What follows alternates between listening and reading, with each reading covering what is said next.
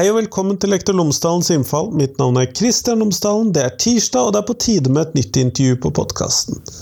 Denne gangen så snakker jeg med Lamin André Kvåle Konaté fra Høgskolen på Vestlandet. Og vi snakker om skolen bidrar til sosial utjevning. Bidrar skolen til sosial mobilitet? Hva er lærerens rolle i å utjevne sosial ulikhet? Hvordan kan dette skje? Eh, hvordan kan vi jobbe med dette utdanningspolitisk, praktisk, pedagogisk osv.? Dette snakker jeg med Lamin André om.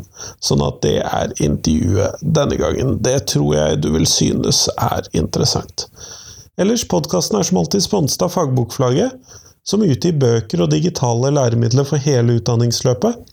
Fra barnehage til høyere utdanning og profesjonsstudier, samt norsk for minoritetsspråklige. Fagbokforlaget kommer stadig ut med nye relevante læremidler, så følg med på fagbokforlaget.no. Og hvis du er skoleleder, så skal jeg gjerne fortelle deg om nyutgaven av boken Strategisk skoleledelse. Boken forklarer hvorfor ledelse i skolen er viktig, og samtidig så er den et prosjekt som involverer mange aktører i samspill. Formålet er å belyse skoleledelse i sammenheng fra skoleledernivå helt fram til undervisningen i klasserommet. Dette er et stort eh, felt, og billedlig så er det uttrykt gjennom metaforen den pedagogiske verdikjeden. Sånn at det finner du i boken Strategisk skoleledelse, andre utgave. Du finner den på fagbokflagget.no. Men nå, nå kommer intervjuet med Lamine André. Vær så god.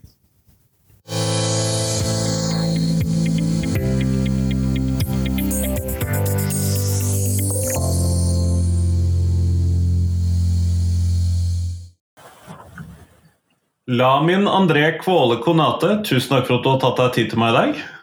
Jo, takk for at jeg får komme. Før vi kommer sånn ordentlig i gang, så hadde jeg håpet at jeg kunne fortelle lytterne mine tre ting om deg selv, sånn at de kan få bli litt bedre kjent med deg. Ja, nei, altså Først og fremst så er jo jeg eh, pappa til en uh, liten jente.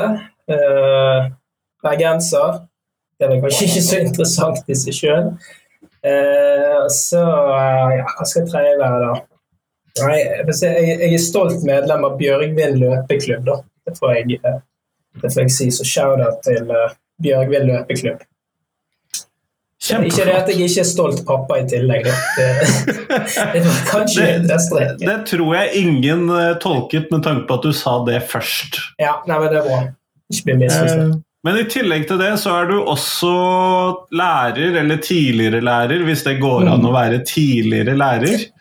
Eh, men du er også doktorgradsstipendiat på Høgskolen på Vestlandet. Mm. Ja, jeg er lærerutdannet, og så har jeg jobbet som eh, kontaktlærer i noen år, før jeg eh, kom tilbake igjen til ja, akademia. Og en av de tingene som du da har jobbet med um, i denne sammenhengen, det er sosial utjevning. Og hva er det vi mener når vi snakker om sosial utjevning? Det tror jeg det er greit at vi har på plass først. Ja, nei, altså sånn overordnet og ja, litt sånn teoretisk så kan man egentlig snakke om sosial utjevning som et slags eh, ja, egalitært samfunnsideal, da, der man har en eller annen idé om at uh, innbyggerne i et gitt uh, samfunn skal ha tilnærmet like muligheter, ressurser, uh, rettigheter og levekår. I mer sånn praktisk forstand så er jo sosial utjevning i, i Norge og egentlig Skandinavia og Norden for øvrig et slags sånn velferdsstatlig ideal. sant? Eh, så i, Sverige for eksempel, der snakker man om sosial utjamning, mens man i Danmark snakker om sosial utligning. Så det er noe som går igjen i ja, alle disse skandinaviske landene. Eh, og På engelsk for å ta det, så, så, går, så, går, det som angår sosial utjevning inn under det man gjerne kaller equity, eller equality-begrepet. Men sosial utjevning det er, det er, et ideal som er innbakt i velferdsstaten. Og Det vil på en måte si, eh, si at f.eks. Altså progressiv beskatning da, det er noe som kanskje særlig kjennetegner eh, landet i Norden. Altså at du betaler mer skatt jo mer inntekt du har osv. Så sånn at økonomiske ressurser, altså penger, kan omfordeles av staten tilbake til befolkningen. Så de pengene de brukes jo da bl.a. å drifte det som på en måte i hermetegn blir gratis eh, universelle institusjoner og velferdstjenester for eh, befolkningen. Sånn som helse og sosialvesen, utdanningssystem ja, osv. Men det kan òg være direkte pengeoverføringer i form av trygd og, og pensjon. Eh, så, så, det skal på en måte sikre at det ikke er for store levekårsmessige eller ressursmessige ulikheter mellom eh, mennesker i, i, i, Norge. Så Levekår og ressurser skal ideelt sett være jevnt fordelt i befolkningen. Det er på en måte rasjonale. Og På den måten skal alle innbyggerne kunne bidra til samfunnet gjennom bl.a. beskatning, som igjen gjør at man kan opprettholde velferdsstaten, i tillegg til oljepenger osv. Eh, sånn i tillegg? Ja, sånn i tillegg. Det er en liten sånn eh, et, et tilleggspoeng der. Og da sikrer man at alle nordmenn har tilstrekkelige livsvilkår. Så enkelt forklart, og så blir det litt sånn utjevningens eh, sirkel, da, for å bruke en slags eh, Disney-referanse. At man bidrar etter evne og får etter, eh, etter, behov. Det er jo kanskje assosiert med marxism, marxismen, litt, eller en litt sånn tidlig variant av uh, sosialdemokratiet. Det, det der, da. Uh, men, så, og Der blir jo spørsmålet ja. mitt, Lamin. Eh, I hvilken grad er dette en del av eh, skolens oppgave? Har skolen eh, fått tildelt en rolle for sosial utjevning, eller er det mer et sånn via omveier? Nei, altså eh, Skal man tro utdanningshistorikere og utdanningsvitere generelt, så har jo sosial utjevning gjennom skolen lenge vært et vesentlig mål i Norge. At man har forsøkt å eh, Særlig siden kanskje etterkrigstiden så har man forsøkt å skape en skole eh, med det siktemål at skolen skal virke sosialt utjevnende.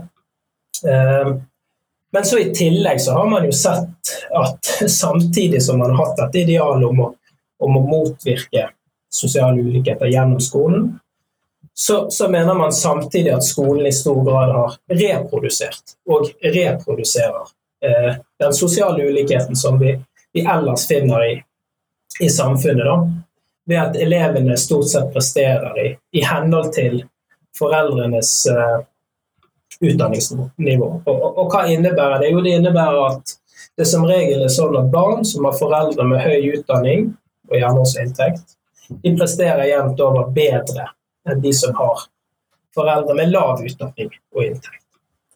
Så politisk så anses det som et problem at, at disse da lavtpresterende elevene ikke klarer å bryte ut av det vi kan kalle en slags sånn sosial arv. da. Nettopp, nettopp. Og du har jo skrevet om eh, det utjevningspolitiske problem og paradoks i fagfornyelsen. Og mm. hvordan kommer dette da inn hvordan, er dette noe som kommer til syne i, i fagfornyelsen? Da? Kanskje i mm. læreplanene, til og med? Ja, altså Bare for å ta det først. da. Eh, den artikkelen som du nevner, 'Utjevningspolitiske problemer og paradoks i, i fagfornyelsen', det er da den første artikkelen i mitt uh, doktorgradsprosjekt som er publisert i Norsk sosiologisk tidsskrift. Og Der undersøker jeg hva sosial utjevning betyr i politiske dokumenter, eller nærmere bestemt stortingsmeldinger, i forbindelse med, med denne fagfornyelsen som du nevner. Altså den prosessen som ledet fram til eh, det nye LK20. Og, og Der mener jeg eh, at man fra utdanningspolitisk hold hevder at skolen reproduserer sosial ulikhet. Ja, som uh, ikke er så overraskende i seg sjøl. Altså at elevene presterer i henhold til sin sosiale bakgrunn.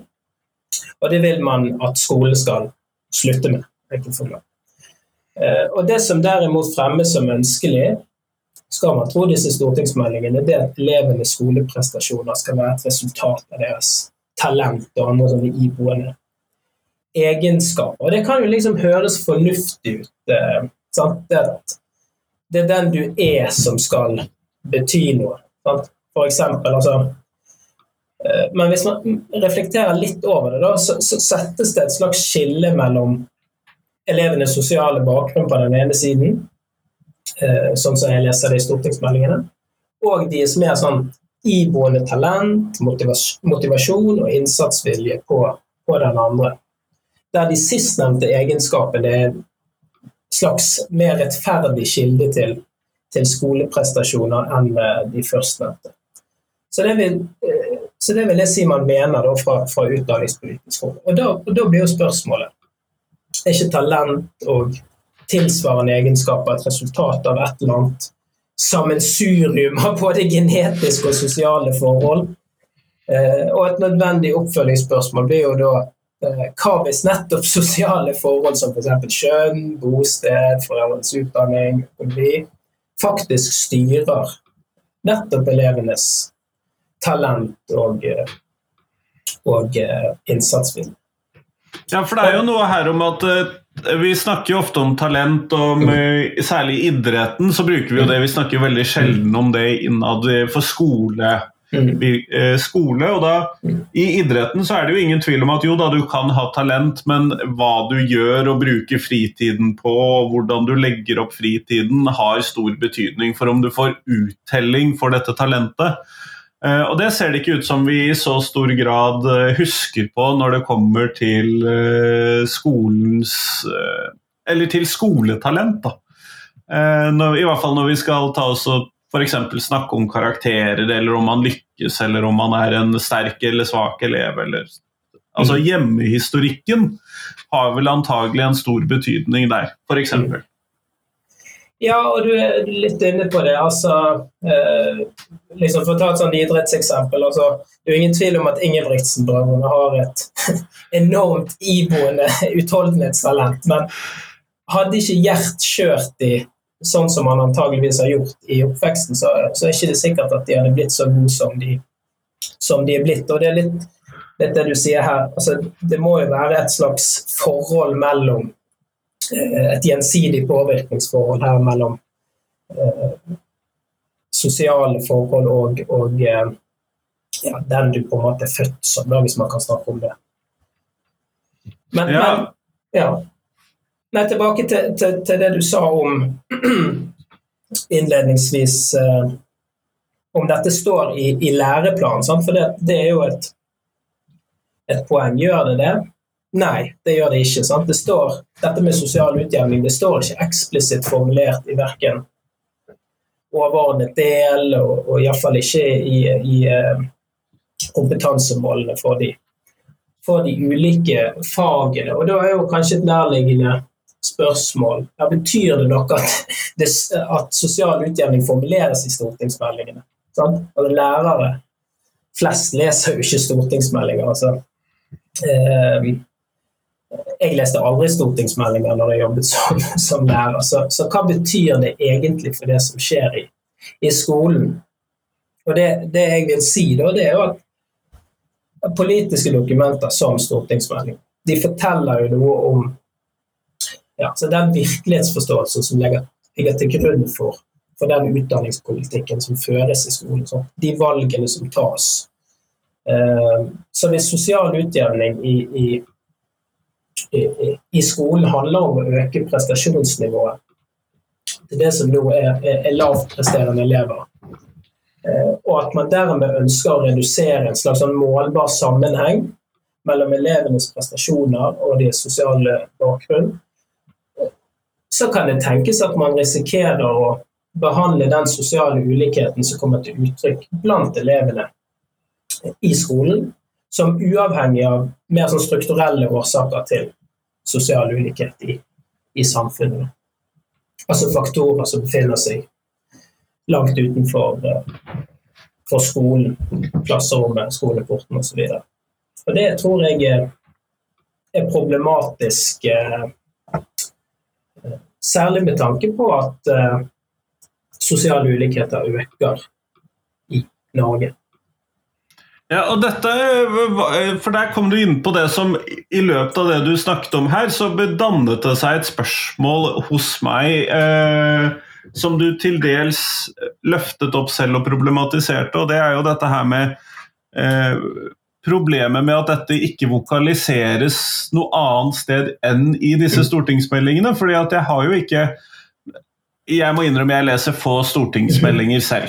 Eh, det har jeg vel egentlig sjelden gjort. Jeg leser en del NOU-er, og de har jo en annen eh, status og ramme enn stortingsmeldinger, i hvert fall til en viss grad. De har jeg lest en del av. Jeg har lest opplæringsloven, den begynner jeg å kunne ganske greit etter hvert.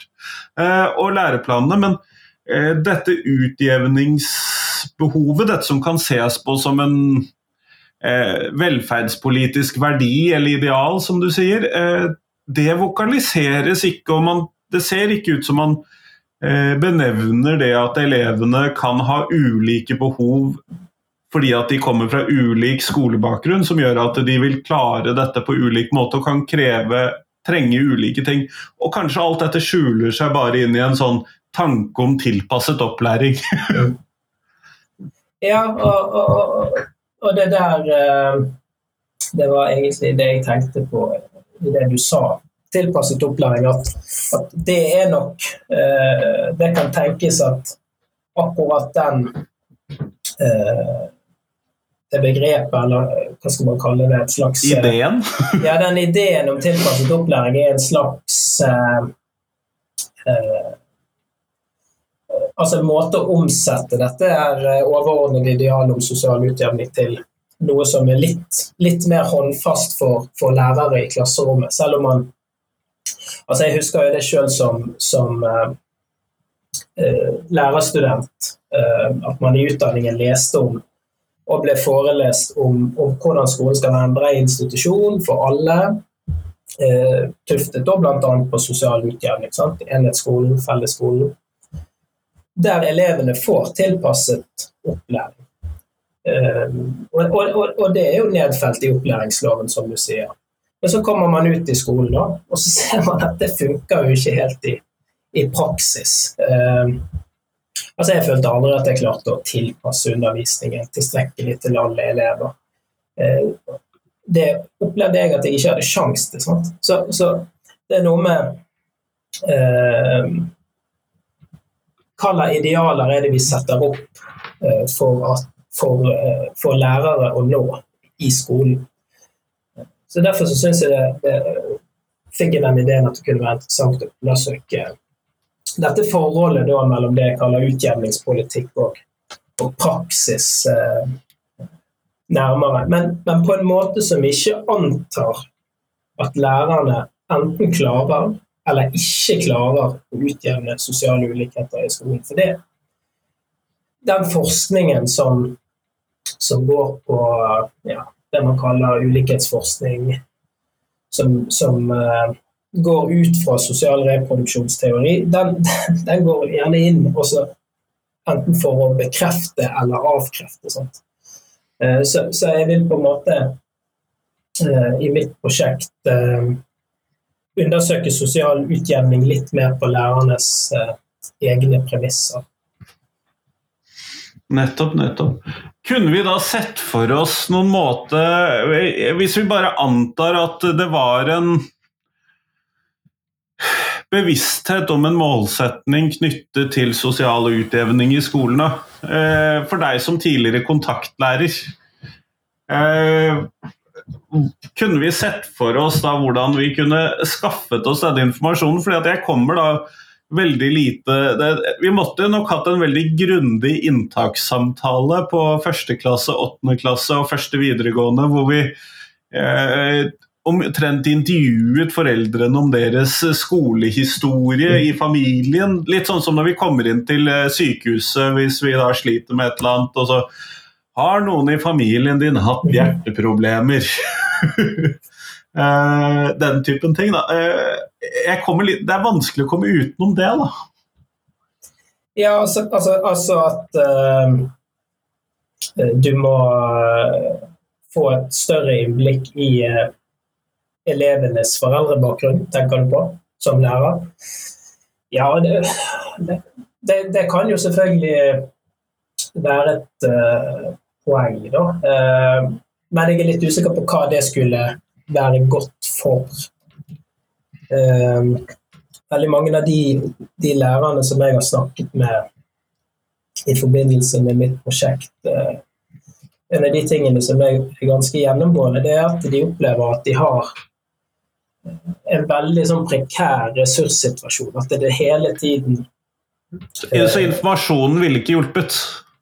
Nei, det er egentlig det jeg, eh, det jeg tror, da, sånn umiddelbart. Eh, at skoen gjerne trykker andre steder enn akkurat eh, når det gjelder informasjon. Jeg tror, jeg tror veldig mange av altså Jeg tror de fleste lærere kjenner elevene sine ganske godt. og De, kjenner, de vet hvem de er, og de vet hvem foreldrene er. Og de har en slags forestilling om hva bakgrunn disse elevene kommer fra. Så jeg, jeg, jeg vet rett og slett ikke.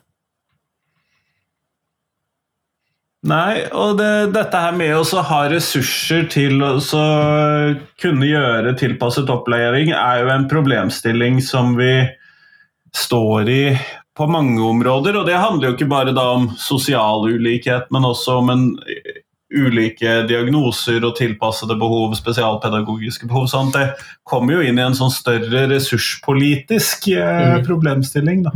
Mm. Ja, hvis du spør eh, Enhver lærer vil jo si at eh, altså Hvis du spør hva har du behov for, jo jeg har behov for en ekstra pedagog i klasserommet mitt. Det, det, tror jeg nok de fleste lærere ville vil svare, og da vil nok utdanningspolitikerne si at nei, men det blir for dyrt. Og vi har også forskning som kan uh, vise til at det ikke nødvendigvis har så mye å si. Ja, jeg tror eh, det har vært et problemstilling det at uh, man har lest Hattie veldig feil i veldig mange år. Uh, jeg må innrømme det at når jeg hørte den Det spiller ingen rolle hvor mange elever det er i klasserommet. Uh, når man hørte den når jeg gikk på PPU, f.eks., så mm. Står jo neste setning 'hvis ikke man endrer pedagogikken'. Mm, ja. Eh, og man ville jo kunne endret pedagogikken. det er jo en sånn klassiker som dukker opp i mange av disse politiske diskusjonene. Ja, for lærere vil jo det være en ekstremt virkelighetsfjern konklusjon å si at det ikke har noe å si hvor mange lærere som er i et klasserom, eller hvor mange lærere en elev til Nei, en, eh, hvor mange elever en lærer til enhver tid har. Så men hva tenker du om burde dette utjevningspolitiske formålet, idealet, burde det vært tydeliggjort i LK20 eller i opplæringsloven? Vi har jo nettopp fått en ny opplæringslov. Jeg oppfatter jo mm. ikke at det utjevningspolitiske er på plass der heller. Nei, det opplever heller ikke jeg. Uh, nei, altså, det som uh, Det jeg etterlyser, er jo er jo kanskje en, en, slags klargjøring av hva er, det, hva er det man egentlig forventer av, av, skolen? Hva er det man egentlig forventer av lærerne i forhold til dette her med, med at elevene har uh, ulike bakgrunner. Um, de, de, kommer ikke fra De stiller til skolestart med ulike ressurser, ulike forutsetninger til å til å prestere i skolen. Og hva er det man forventer at, at lærerne skal, skal, gjøre med det? da? Så, så For nå igjen sånn, så, så, opplever jeg det som ganske sånn ullent. At det er Det står gjerne eh, Det er ofte inkludert i disse litt sånn visjonsrike introduksjonene til stortingsmeldinger, som gjerne er Ja, det er jo litt sånn eh, uformelt, da, men, men, men, man antar jo at det er den til enhver tid sittende kunnskapsministeren som skriver disse, disse introduksjonene. Eh, der velger man ofte å inkludere dette her eh, idealet om at skolen skal være sosialt utjevnende. Og vi skal drive med sosial utjevning i skolen, det er viktig. Eh, men hva er det det egentlig innebærer sånn konkret da, for å gjøre det kanskje mer håndfast for, for skolen. Ja, og Et nærliggende eksempel på det, Lamin, er, eller et motsvar, kanskje. Et eksempel som jeg liksom syns er lett å trekke fram når det kommer til sosial utjevning og utdanning, er jo Lånekassen. Mm. For, for, det er så tydelig at det kan fungere sosialt utjevnende, selv om det også er noen fordeler for de med lang skolehistorikk og det, i familien og sånn, også når det kommer til Lånekassen. Men i selve utgangspunktet der så ligger det jo en veldig sånn Her skjønner vi at det foregår sosial utjevning. Mm, ja.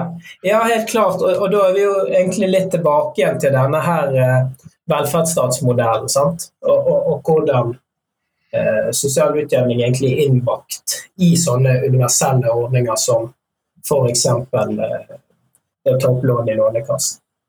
Og, og, og, og denne modellen har jo funket ganske bra i Norge historisk sett. Eh, og funker relativt veldig bra sammenlignet med de fleste andre land i verden. Men, men så ser man igjen, som nevnt, at sosioøkonomiske ulikheter de øker i Norge. Og det vil jo på sikt kunne bli kritisk for velferdsstaten. sant? Eh, og, hvem vet på en måte, hvor er vi om 50 år, hvor er vi om, om 100 år? Altså det, jeg tenker det, det er det som må være perspektivet her. At, uh, altså hvis jeg snakker med, med kollegaer i, uh, i uh, dette internasjonale forskningsprosjektet som mitt doktorgradsprosjekt er en del av, så, så, så, så sperrer de jo litt ofte opp øynene da, når, når jeg sier det at jeg ser på sosial ulikhet i, i forhold til skolen i Norge. Uh, for mange så virker det som en ganske sånn fjern problemstilling. Altså, internasjonalt så, så anser man Norge som et veldig sånn egalitært samfunn. Som det er absolutt. da. Eh, men igjen, det, er denne her utfordringen med at, at ulikhetene faktisk øker også her. Og hva betyr det for, for samfunnsutviklingen? Du har jo I denne artikkelen din så trekker du jo også inn og jeg syns jo det er et litt gøy grep du gjør, men du snakker jo om trickle down ansvarliggjøring. Mm. Uh, og hvorfor har du gått i den retningen omtalt uh, som det? Nei uh, Altså, det, det, det handler jo om at man i disse stortingsmeldingene på en måte skyver fra seg ansvaret for sosial utjevning nedover i skolesystemet. Til kommunene eller fylkeskommune, kommune, skolene. Og, og, og, og til slutt da lærerne, da, på en måte.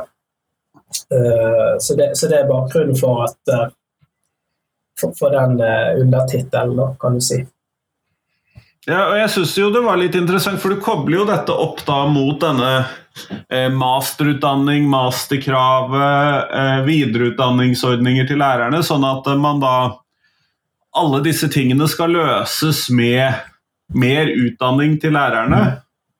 Um, og da Du peker jo da på at Eh, lærerne konstrueres som utilstrekkelige, og at det blir inkompetente lærere som selve roten til problemet.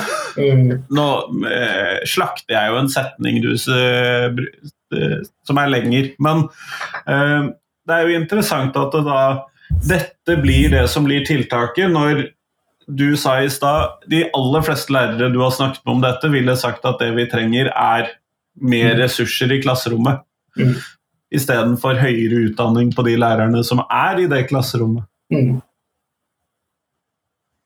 Ja, nei, altså det er litt tilbake igjen til, til disse uh, dette tittelen på artikkelen, disse paradoksene som uh, Altså de utjevningspolitiske paradoksene. Og det ene er jo dette med at skolen anses som et slags problemfelt. altså at det er problemer i, i, i, skolen.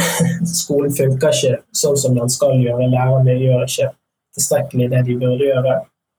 Men samtidig så forsøker man hele tiden å løse skal, skal man løse ulike samfunnsproblemer gjennom skolen. Så du får en slags skole som et uh, problem- og løsningsfelt, som jeg syns er litt uh, paradoksalt. Um, og det andre som angår uh, mer det, det, som har med sosial utjevning å gjøre, det er jo dette med at man lenge har hatt et mål om at skolen skal virke sosialt utjevnende. Samtidig eh, som man også hevder at skolen reproduserer sosiale ulikheter. At, at, den gjør rett og slett det motsatte av det man ideelt sett skulle ønske at den, den, eh, den gjorde. Kjempeflott, Lamin. Du, Vi går mot slutten av den tiden som vi eh, har sammen i dag. og Da skal jeg stille deg det spørsmålet som jeg stiller til alle de jeg intervjuer for tiden. Og det er eh, hvilken lærer har gjort størst inntrykk på deg, og hvorfor det? Ja um, det, det, tror jeg må være uh, Finn, Finn Nysæter fra Nåne skole som alle elever på, på Nåne skole hadde fra 5. til 7. klasse. Og Det var liksom veldig gjevt å få Finn når man kom opp i, opp i 5. klasse. Og, altså akkurat hva det var med Finn som, eh,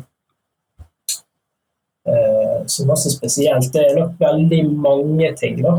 Um, men at han på en eller annen måte var en som eh, altså så elevene, da, for å bruke en ja, sånn floskel. Um, og uh, ja, og var gøy å være rundt, da, rett og slett. Uh, så, så, det må definitivt uh, være Finn. Kjempeflott. Tusen takk, Lamin. Takk for at du brukte tiden her med meg i dag. Jo, takk for at jeg fikk komme. Du er blitt en slags sånn pedagogikkens Joe Rogan, så det er en ære ære å få, få dukke opp her. Tusen takk for det. Ha en fin jo, dag. Takk, det samme. Ha det bra.